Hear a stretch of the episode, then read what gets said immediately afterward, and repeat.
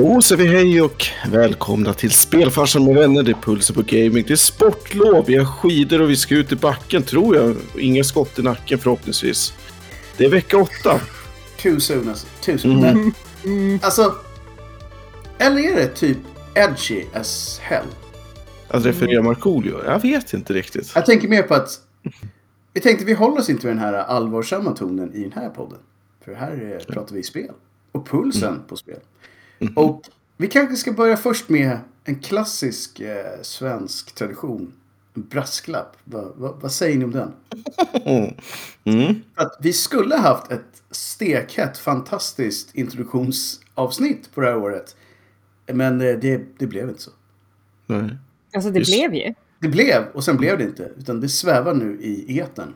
Vi söp bort det. Precis, jag sålde det på en bar vid Stureplan och någonstans där är det. Så tyvärr så, det avsnittet kommer aldrig bli av. Så här är liksom starten på året i Pulsen på Gaming-formatet. Igen. Igen, precis. Så välkommen tillbaka igen.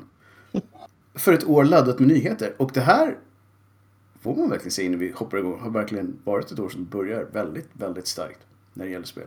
Oh ja. Så att vi har en del att bita i. Men innan vi biter i det så kanske vi ska ta oss en sup. Det där nu! Det-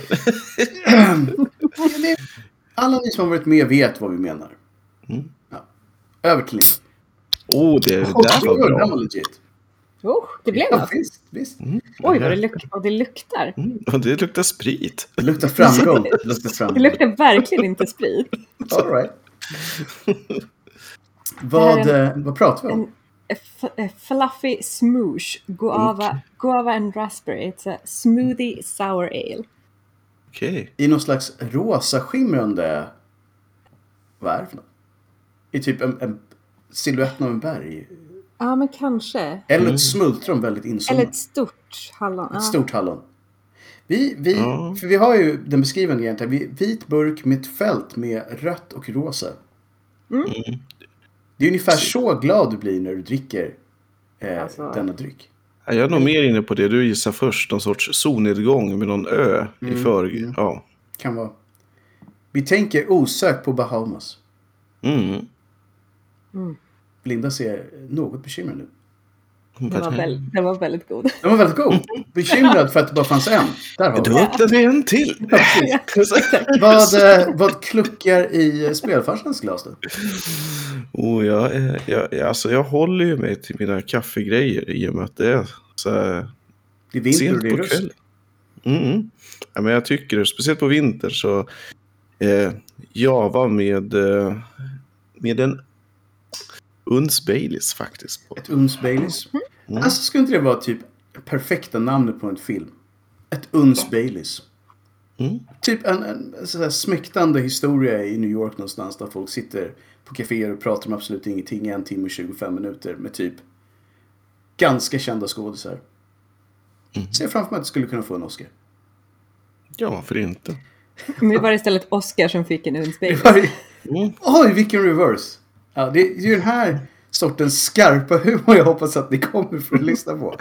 Ehm, I mitt fall så har jag nu inte den japanska godiset i glaset utan den klassiska rom och colan. Som infinner sig den här tiden på året. Eller varje söndag. Eller varje måndag. När det passar. I alla fall. Stärkta med, med, med kunskapen om att vi inte behöver törsta ihjäl under det här så har vi ju alltså nyheter att prata om. Och eh, eftersom det här är det första avsnittet på året oavsett vad som händer med det förra avsnittet, men det är faktiskt det första pulsen på gaming oavsett, så tar vi oss lite frihet att vara lite mer så allmän nyhetsfokuserade. Så att det inte bara vad som hände under vecka 8 utan vad har hänt den senaste tiden, eh, känner jag. Och från och med nästa vecka som skulle kunna bli vårat engelska vad har hänt den här månaden avsnitt. Om Ja, vi lite grann. Så kommer vi gå tillbaka mer till ja, det ni förväntar er, kära fans. Vi, vi får inte slarva hur länge som helst. Så eh, vi har en liten lista, som, som vanligt. Men eh, man kan ju säga så här. Vad har hänt senaste tiden från ett gamingperspektiv om vi pratar på personliga planet? Vad har ni spelat liksom? Jag, Ja. låter Oskar börja som fokuserat. jag- Nej, men det har, ju, det har varit Dying Light 2 då, för hela slanten. Och vi kanske ska säga att Dying Light 2 var ett spel som sa att vad var det? Här finns det 500 timmars glädje eller vad, de- vad de Mm. sa. Det tror jag är lite överdrivet kanske, men Och om vi ska vara helt ärliga, vill man ens ha 500 timmars glädje av ett icke-MMO-spel? Alltså, Nej. 500 timmar, det är brutalt. ja, sim, kanske någon typ City Skylines eller någonting i den stilen. För det kan man ju teoretiskt sett. Eller alla de Eller här äh, spelen där man kör bil till olika ställen. Ja, Jag tänker även som CQ och EU och sådana här saker. Men det är ju mer att det är ju ett nytt spel varje gång du kör det i princip. Så jag säger så här, nej tack 500 timmar. Men Nej. ja tack 40 till 60 kanske man ska. Mm. Ja, jag har ingen vision om att jag ska liksom grinda ut det totalt. Utan lite lagom kanske. Äh, Vi kanske ska ta tjuren på hornet och säga att vi kommer tillbaka till eh, Dying Light senare i programmet. Så att Japp. just hang in there som man säger. Linda, jag antar att ett och annat indiespel kanske har varit på radarn? I någon form. Ja, exakt. Det är ju ett indiespel som jag har börjat med lite. Som right. jag också kommer att prata om lite senare. Som jag nu är helt fast i. Fast. Det låter bra. Mhm. Det är intressant, intressant. Väldigt intressant. Jag har... eh, Alltså jag är lite... Jag, jag, jag skyller på Oscar här. Det skulle jag för sig kunna säga även om det inte stämde. Men, men i det här fallet så stämmer det, utan Jag gick tillbaka till spel som är... Jag tror det kom ut 2004 kanske. Något sånt. Men som jag aldrig har kört, det vill säga första Far Cry. Och håller nu på att köra igenom det på PC. Och det enda jag har gjort för att få det att vara lite hetare och lite mer stabilt och lite allt sånt där är att jag fått en HD-remake och att jag har allokerat lite mer eh, minne än vad de hade förr i tiden. Så att det ska vara lite mer smooth. Men eh, ja, Far Cry 1 är det som jag rullar igenom just nu. Och vad ska man säga? Intressant från ett historiskt perspektiv men också fortfarande ett bra spel. Även fast jag eh, misstänker att det inte alls är som de senare i den serien. För det påminner väldigt mycket om Crisis. Vilket inte är så konstigt med tanke på det Crytek som gjort det. Så, intressant, helt klart. Och jag tror faktiskt att jag ska fortsätta med tvåan och trean. För att jag har inte kört någon av dem heller. Det blir ju bara bättre. Det är det som är så intressant. Men det är det jag har hållit på med senaste tiden. Som sagt. Ibland är det, är det faktiskt en glad nyhet att gå tillbaka och köra väldigt gamla spel. Eller väldigt gamla, men relativt gamla spel. Ehm, Ja, alltså gamla spel är ju magiska. Ja, och det känns också som att gamla spel då tänker man då på ännu äldre, typ SNES och så vidare. Och de är ju ganska tidlösa för den grafiken är ganska problemfri eh, i hur den ser ut. Ja, Medan spel verkligen. Från tidigt 2000-talet skulle kunna vara den här lite mer, ja, inte jätteheta 3D-grafiken, men 2004 hade det gått över gränsen för den här fula eran och börjat bli det som numera är den snygga 3D-grafiken vi lever med. ja. Och plus att när man, när man spelar gamla spel så är det oftast ett spel man spelar om. Som man redan har spelat. Så att man tycker att det är fantastiskt av den anledningen. Absolut, så är det ju. Men ja, som i det här fallet så kändes det inte som en jätteförlust att det här är första gången jag upplever spelet för att det är, håller så pass bra. Men eh, ett spel som är old school, fast new, är ett spel som kom ut i december förra året, tror jag. Men som slog på eh, Twitch det här året och det slog stenhårt. Det heter Vampire Survivors av en snubb, det är en snubbe. Som heter Luca, jag tror han kallar sig för Luca Ponkel Galante. Det låter som ett här cirkusnamn. Ponkel Galante! Men eh, han sa upp sig från sitt jobb och sa nu jävlar ska jag göra ett indiespel och det ska bli bra.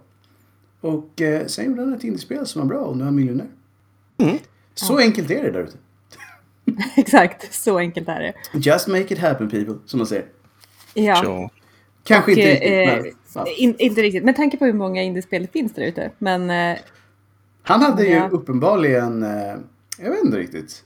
Alltså konceptet är ju så enkelt och jag tror det är därför det funkar så bra. Och att han uppenbarligen har fått balansen. Det- Det är, för att dra det väldigt kort för er som inte har sett eller varit med om det här så är det, man spelar som olika karaktärer och det är en helt typ platt bakgrund. Och sen så ska man bara överleva i 30 minuter mot en hord av monster. Och man får levels beroende på hur många man har ihjäl och så kan man levla upp sin karaktär genom att späcka den med olika eh, egenskaper helt enkelt. Och bygger man rätt sorts kombo så överlever man i 30 minuter och gör man inte det så dör man och då är det bara att starta om. Och det är alltid 30 minuter. Vilket jag tror också är ett, en del av hans framgångskoncept. För alla vet exakt hur lång tid det tar att köra spelet maximalt. Och eh, ja, som jag förstod det så var det under några veckor nu eh, förra månaden så var det 50-60 000 som körde det här spelet samtidigt på Steam. Vilket slog ganska många AAA-spel. Så att det, och jag tror att han hade sålt typ några miljoner ex eller någonting. Och det är ju för man tänker att, för det kostar ju typ 3 dollar att köpa. 3 men... dollar, ja. Men säg att han bara får en av de dollarna och säger så här. Ah, he's doing okay. He's doing okay. Med tanke på att det är dollars. Vi pratar inte, ja. vi pratar, vi pratar inte polska slotty här. Mm. Nej. Nej. Inte pissetassar heller. Mm, mm, mm. Så att, ja. Alltid kul när en uh, indie-fantast lyckas. Och nu så hade han redan höjt ribban och tänkt att nästa gång ska det bli riktigt bra. Jag kan tänka så här. Okej. Okay. How, how do you mean? Så här. Det är inte riktigt bra det som redan har hänt. Det kommer en ny färg på bakgrunden. ja. NFT va? Mm. That's where it's at. Mm. Nej, det, det, är väldigt intressant att, att eh, fundera på vad han menar med höja ribban. För spelet ser ju inte fantastiskt ut. det ser inte fantastiskt ut. Men jag undrar om man menar typ framgångsmässigt. Och den är också svår. Mm. Ja, det är inte som bara så här, nästa gång säljer jag 5 miljoner ex. Mm. Det, är, det är rätt många stora företag som inte säljer de siffrorna. Så ja, mm, vi får väl se. Men som sagt, all lycka med det här spelet får man väl säga. Han, han gjorde ett bra jobb.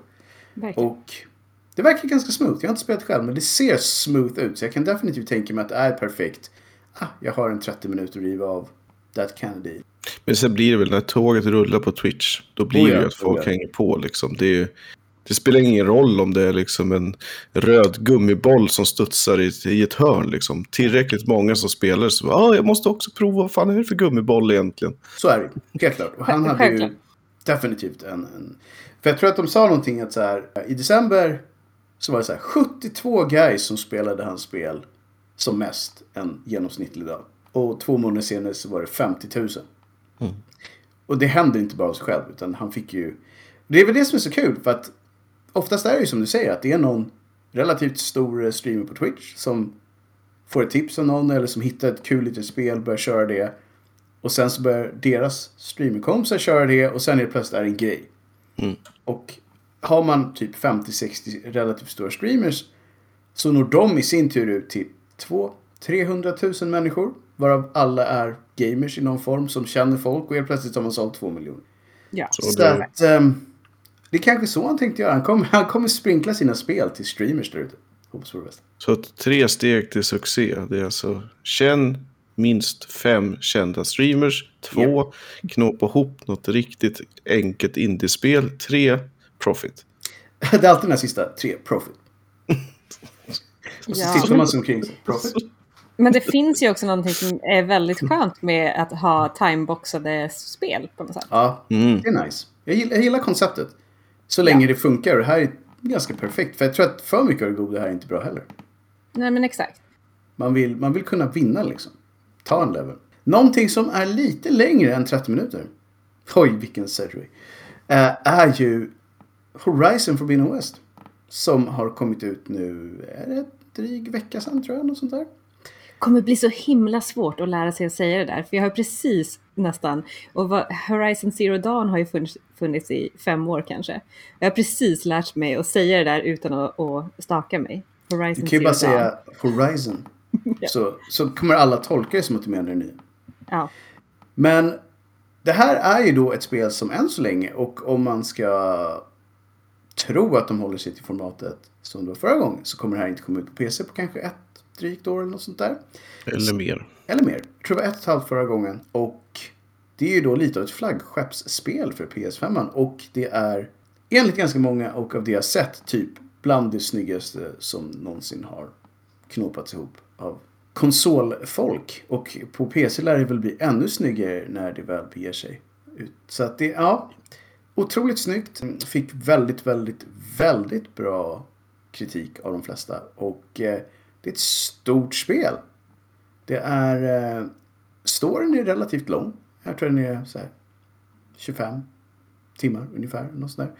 Men det finns, jag tror det var typ 60-talet matiga sidequest som, om jag förstod saken rätt, har det som du och jag har klagat på ganska många gånger, Oskar, att det är inte liksom, det är inte tio kaniner grejen utan det är väl välbyggda quests med eh, mycket voice acting och bra stories. Så att jag misstänker att det här spelet hade levt i uh, development ganska långt innan de annonsade det. För att annars så var det här någon slags rekord i hur snabbt det gick att göra ett AAA-spel. Mm. Så att, Ja, för jag tror var men ska man vara lite elak så hade de ju en bra mall. Väldigt bra man. Och det här är ju ett företag som har gjort väldigt mycket bra spel förut. Så de vet ju såklart hur man gör. Men ändå. Man tänker lite på Cyberpunk. Det gör man ju ibland. Och så tänker man så här. Ja. Nu ska vi inte vara dem. Och, och så var de inte dem. Apropå Cyberpunk så släpptes det ju ett härligt svenskt spel som gjorde det bra. Jag tänkte på Mm. eh, The Ascent. De eh, gick ju så bra så att de faktiskt släpper nu på PS5. Mm. Det var ett väldigt bra spel. Och värt att... Och det var inte jättedyrt heller. Som inte. Nej, det var inte många. Så att, eh, värt att kolla upp. Eh, men som sagt, Hor- Horizon Forbidden West är ett spel som jag tror att gillade man det första spelet så älskar man det här. Däremot känns det som ett två av tre i serien. Ja. Så att förvänta er inte det definitiva slutet till det här spelet utan att spoila någonting. Men det var det kommer heta. Men det här är väl en, en, verkligen en ren uppföljare. Så det är ju roligare att spela det om man har spelat Zero Dawn. Ja, de, de, de pratar ju såklart lite grann om saker som har hänt. Eh, speciellt Aloy själv pratar väldigt mycket om vad som har hänt. Jag tror att det här spelet utspelar sig så här ett antal månader bara efter att det första tar slut. Så det är verkligen ganska tätt inpå. Så att, och det förra spelet går ju att spela på PS5 och jag tror att dessutom att det är ett sånt där spel som man kan få en uppgradering till. Eventuellt. Men det går definitivt att spela på PS5. Så gillar man att hänga med i historien så skulle jag definitivt ehm, föreslå att man börjar där. Och fokusera på storyn om ni vill. Snabbt till Forbidden West i så fall. Någonting... Vi, vi, nu när jag ändå var inne på det så har vi faktiskt Cyberpunk. För att fortsätta med vår härliga trend om att lyfta upp detta fantastiska spel. Släppte ju faktiskt en enorm patch för två veckor sedan. Yay! Och den, eh, ja, alltså. Som ganska många av de som faktiskt vill det här spelet väl sa. Ja, ja, så ni sket i allting vi ville ha och gav oss andra grejer istället. De fixade det som var trasigt istället för att ge oss... De fixade en del som var trasigt, la till massa nya grejer. Som det här, kommer, nu kom jag precis på varför jag tyckte det var lite kul. De hade fixat nya poser för Vi. Och kallade det DLC. Ja, det DLC var det ju inte. Det var en smärre uppgradering. Ja. Så att om någon säger så här, är det så här vi ska ha det så får vi ha väl en tio sådana här till innan vi kan börja kalla det här spelet klart. Så att, Men ko- kommer folk fortfarande vänta på saker när det gäller Cyberpunk? jag tror att det börjar bli på den nivån att folk som verkligen vill ha det spelet väntar och alla andra tänker så här, ah, whatever, jag kan lika gärna köra det nu. Ja. Och om man ska vara helt ärlig på PC så har det ju åtminstone varit så att det är fullt fungerande. Eh, För de flesta. Det är väl bara det att ja, det är fortfarande det här med att mycket av de grejerna de pratade om är fortfarande inte i spelet. Som typ ett fungerande polissystem och att AI inte beke, beter sig väldigt korkat och massa sådana saker. Ehm, så att de har fortfarande grundläggande problem med liksom funktionalitet som, som borde vara på plats. Så vi får Oh, ja. se. Vi får väl se. Det blir en följetong som fortsätter under året som man säger. Mm, Ja. I väntan på GTA 6. Ja, precis. Ja. Vi kan väl ta, med tanke på att vi droppade lite där i början, men Dying Light 2 har ju också kommit ut här i början av året och de sa också typ, det här spelet är allting som det första var fast större på alla sätt och vis. Och dessutom så är det snyggt. Och större på alla sätt och vis, ja, snyggt var det väl också om jag har tolkat allting rätt. Och, eh, Och, de flesta tyckte att det var ett steg åt rätt håll. Mm, jo, alltså jag tycker bara vad det gäller kontroll, fighting-system, alltså allt känns lite bättre, det gör det ju. Sen ska det sägas att det är ju fem år sedan, sen eh, spelade det för, så att det, det är ju liksom, man glömmer, men det är, speciellt parkourbiten tycker jag är en fröjd att eh, röra sig runt. Vi kanske inte ska spoila så mycket i historien, men det är alltså inte en direkt fortsättning på det första spelet. Man är inte samma person. Nix. Så att alla ni som tänker så ah shit, jag kommer inte ihåg vad som hände med, det gör ingenting. Det är samma värld, men det är inte samma dude. Nej. Och ehm, Det är lite referenser till karaktärer som var med, ska man väl säga. Mm, så det är väl som vanligt, har man tid och lust så förlorar man ingenting på att köra första spelet. Men du kan definitivt starta Dying Light 2 och få ut relativt mycket av upplevelsen som den är tänkt att upplevas. Skulle man säga. Samtidigt så ska det ju sägas också att det är ju mer av samma. Man kommer ju känna igen sig. Så att det är inte så att det är liksom något helt nytt i... eh, Vilket de väl var ganska tydliga med. Det är Dying Light, men bättre än förra gången. Och mer än förra gången. Och det har de väl hållit. Jag vet ju att Oscar inte har kört klart det här spelet i, i, i dagsläget. Så jag tänker inte säga så mycket, men damn that ending. Sen släpper jag allt. Eh, Ja, det får vi se. jag, jag kände, alltså jag, jag, jag tänker bara säga att jag satt och kollade på det och bara så här, nej, eller? Wait, Nej. say what? You didn't? What? How, hela den grejen. Och sen var det så här, back up, back up. Ge en chans, kolla på det igen. Och där Var är det det. mer, eh, som sagt, var det utan att spoila, var det mer skruvat än eh, FF7s remakes slut? Jag skulle inte säga att det var skruvat, men det var El Loco. Mm. Vi, vi kommer tillbaka till det när, när du är klar helt enkelt. Så ska vi, vi kanske till och med dedikerar ett program åt så what the hell happened just then. Och, eh. Och alla som lyssnar som inte har spelat det här, se till att spela det innan det avsnittet. ja, det kommer vi kalla ett spoilerpodd. Ja. Så att, intressant. Men vi måste ju, även fast vi inte har supermycket tid kvar, men det som är så hett just nu att man bränner sig. Är ju George R.R. Martins svepskäl till varför han övergav eh, Game of Thrones. Delvis. Eh, och istället hjälpte From Software att göra Elden Ring. Och det är ute nu. Och det är enligt typ alla det bästa spelet de någonsin gjort. Ja, It's uh, much appreciated som man säger. Och eh, jag har sett ganska mycket av det.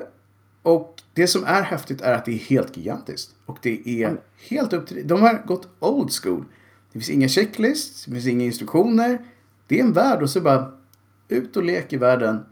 Och du märker själv om du gick fel för då dör du. ja men det, jag tycker det är så här, det är lite intimidating så att man nästan inte vågar börja spela det för att det är inte bara typ Dark Souls svårt. Det är ju också, jag har ingen aning om vad jag egentligen håller på med. Vad höll jag på med? Vart, vart slutade jag? Vart ska jag gå? Det finns ingenting som hjälper en. Folk har ju sagt så här, för alla er som har kört Dark Souls och fastnat i att så här, det är ganska linjärt. Man måste slå ihjäl den fienden man har framför sig för att komma till nästa. Släpp det. Så fort ni kan släppa det så kommer ni uppskatta det här spelet mycket mer. Träffar ni på en boss som spankar er från vänster till höger. Säger man bara så här, alright. Och så går man mot motsatt håll i 10-15 timmar och gör andra grejer. Och sen kommer man tillbaka och så kanske man får stryka igen.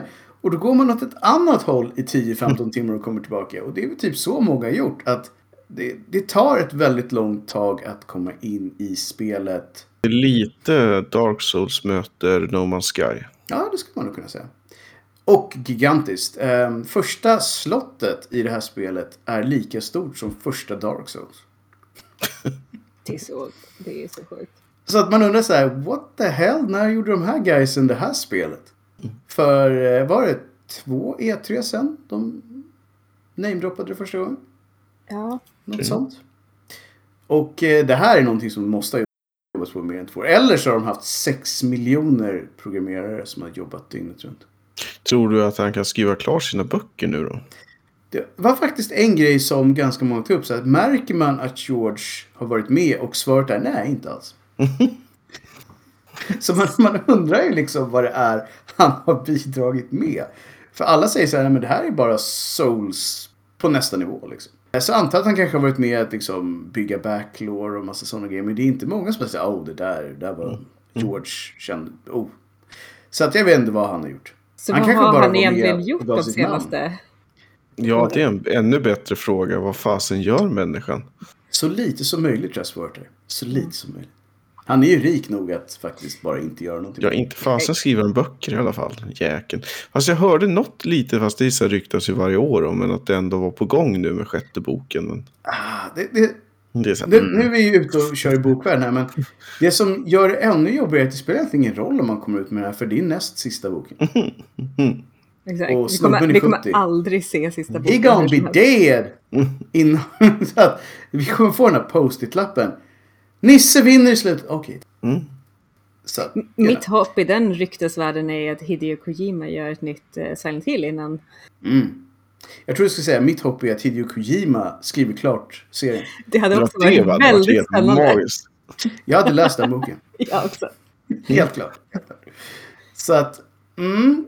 Men i alla fall, eh, om ni gillar, får man väl säga igen, om ni gillar eh, Souls-spelen så är Elden Ring antagligen någonting som ni kommer gilla. Gillar ni inte Souls-spelen kanske ni gillar Elden Ring för att det är mycket mer fritt. Men antagligen inte. För det är fortfarande i grund och botten ett Souls. Men gillar ni att kolla på långa Let's Play så är det definitivt värt det. För det är Oh ja. väldigt kul att titta på. Och det, det är ett spel som görs ju väldigt bra för att det är svårt och alla har egna upplevelser med tanke på att det är så fritt. Så de kan gå iväg åt olika håll. Så jag tror att de flesta som spelar spelet och streamer kommer ha sitt eget lilla äventyr. Alltså går det att kolla på det flera gånger om utan att man tröttnar.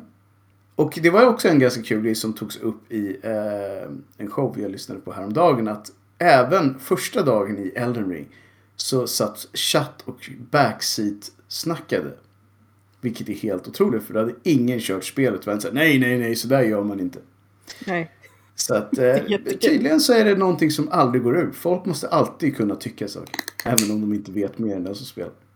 Men jag tycker också att det är kul, för det är ju det är väldigt, väldigt stort. Den här världen är ju extremt stor, väldigt ambitiös. Men det heter Lands Between. Och det betyder ju att det ligger mitt emellan någonting annat också. That's pretty cray cray. Mm. Och det finns drakar. Det är det. Vilket man måste gilla. Nej men alltså jag tror, jag tror att det här kan vara helt rätt för de som har gillat det tidigare. Och kanske rätt för folk som inte har provat. Ska vi avsluta den här pulserande nyhetsfesten med att Linda pratar om det där indiespelet? Mm. Som du hade fastnat i. Martha is dead. Oh no. Yeah. But why? Well, we don't know. That's a mystery. Det här är ett spel som, som faktiskt släpptes för bara några dagar sedan. Det släpptes 24. Okej. Eh, Och, Det är ju eh, faktiskt så nytt så att man nästan kan ta på det. Ja, ja, men det är väldigt, väldigt färskt. Men det utspelar sig däremot 1944 i Italien. Italien. Italien. Och det är väldigt mycket så här, det är krig i Europa, så den var, det är väldigt hitting home just nu. Det är, lite så här, det är lite krig i Europa och det är delvis vårt fel. I Italiens fall. Mm. Men, Ja, men vad Eh, handlar det om? ja, det handlar om en tjej som heter Julia. Julia. Med Julia. italienskt uttal, exakt. Fast hon pratar väldigt brittiska. Hon är också berättarrösten i hela spelet. Okej. Eh, hon har en eh, inte helt för henne klar bild av vad som har hänt under de senaste 15 åren i hennes liv. Men Okej. hon kommer tillbaka till ett... Hennes, hennes pappa är en gammal militär och de bor på en, ett, ett stort mansion typ och de har jättemycket mark bredvid en, en stor sjö. Och eh, på tredje dagen när hon är hemma så hittar hon sin tvillingsyster död i den här sjön. Martha. Martha. Yes, jag satte den. Och eh, hon är ju, de är ju identiska tvillingar. Så när hennes föräldrar kommer nerspringande till, till sjön, så av någon anledning så har Martha på sig Julias klänning och eh, Julia tar Marthas halsband som det står Martha på. Så mamman tror ju att det här är Martha. Just det. Och, Och eh, Får man reda på varför hon kör en switcheroo? Julia har ju alltid varit hatad av sin mamma. Så hon tänker att det här är enklast för alla om de tror att det är Att the eh, good Julia som har, som har dött och det är Martha som har överlevt. Just det. Men det är också lite problem med här för Martha är döv. Så, Så- ja, Komplicerat läge helt enkelt. väldigt komplicerat läge. Så att hon måste hantera den här lögnen som hon, nu är det ju en livslängd, hon kommer ju för alltid behöva låtsas vara Martha. Mm. Och samtidigt ska hon ju försöka förstå vad som händer med sin syster och det leder ju henne ner i en väldigt, väldigt mörk, mörk väg i hennes Alltså liv. ett äventyrsspel eller ett skräckspel? Nej, det är, det, det är ett skräckspel. Det, det som händer är att Julia blir, hon börjar ju må eh, allt mer mentalt dåligt och blir galen och kan inte skilja på vad som är verklighet och vad som är gamla vidskepelseberättelser right. om den här sjön eh, och eh, vad som är drömmar eller kanske mardrömmar. Och sen är det också mitt i ett krig och hennes pappa är militär. Alltså det här låter som, som, eh, som bra grejer, Med det där vanliga liksom, med, som ja. du menar bra grejer. Och det här är också, som grädden på moset, det här är ett ganska, det finns ganska brutala scener i det här spelet. Eh, och det är till och med så brutalt att det har faktiskt censurerats på Playstation-versionen av någon anledning. Mm -hmm. Playstation körde ju en sån drive förra året. Mm. Att de började ja. censurera allt möjligt. Så att eh, det känns ganska logiskt att de skulle göra det. Mm. Men, men äh, det här, är det både på konsoler och PC eller är det konsoler mm. som... Ja, eh, konsoler och eh, Steam. Ja, men det känns bra att vi fick med lite skräck. Annars skulle det inte vara vi. Och att vi fick med lite indie. Så knyter ihop den här uh, vecka 8s bästa nyheter. Och med det så... Uh, det börjar bli svårt där. Men jag mm. skickar över en kanot med, med, med valfria produkter till Oscar. Ja, jag tänkte på amerikansk öl och du vet hur det är med vattnet och allt det där. Absolut. men, men. Ja. Det är ju fortfarande mörkt och kallt och hemskt där ute så jag tycker att det är väl legitimt att fortsätta med något mysigt indieskräckspel, helt klart. Så eh, eh, håll i hatten, spela något skräckigt och njuta av eh, ytterligare en vecka så ses vi snart igen. Ha det bra, hej!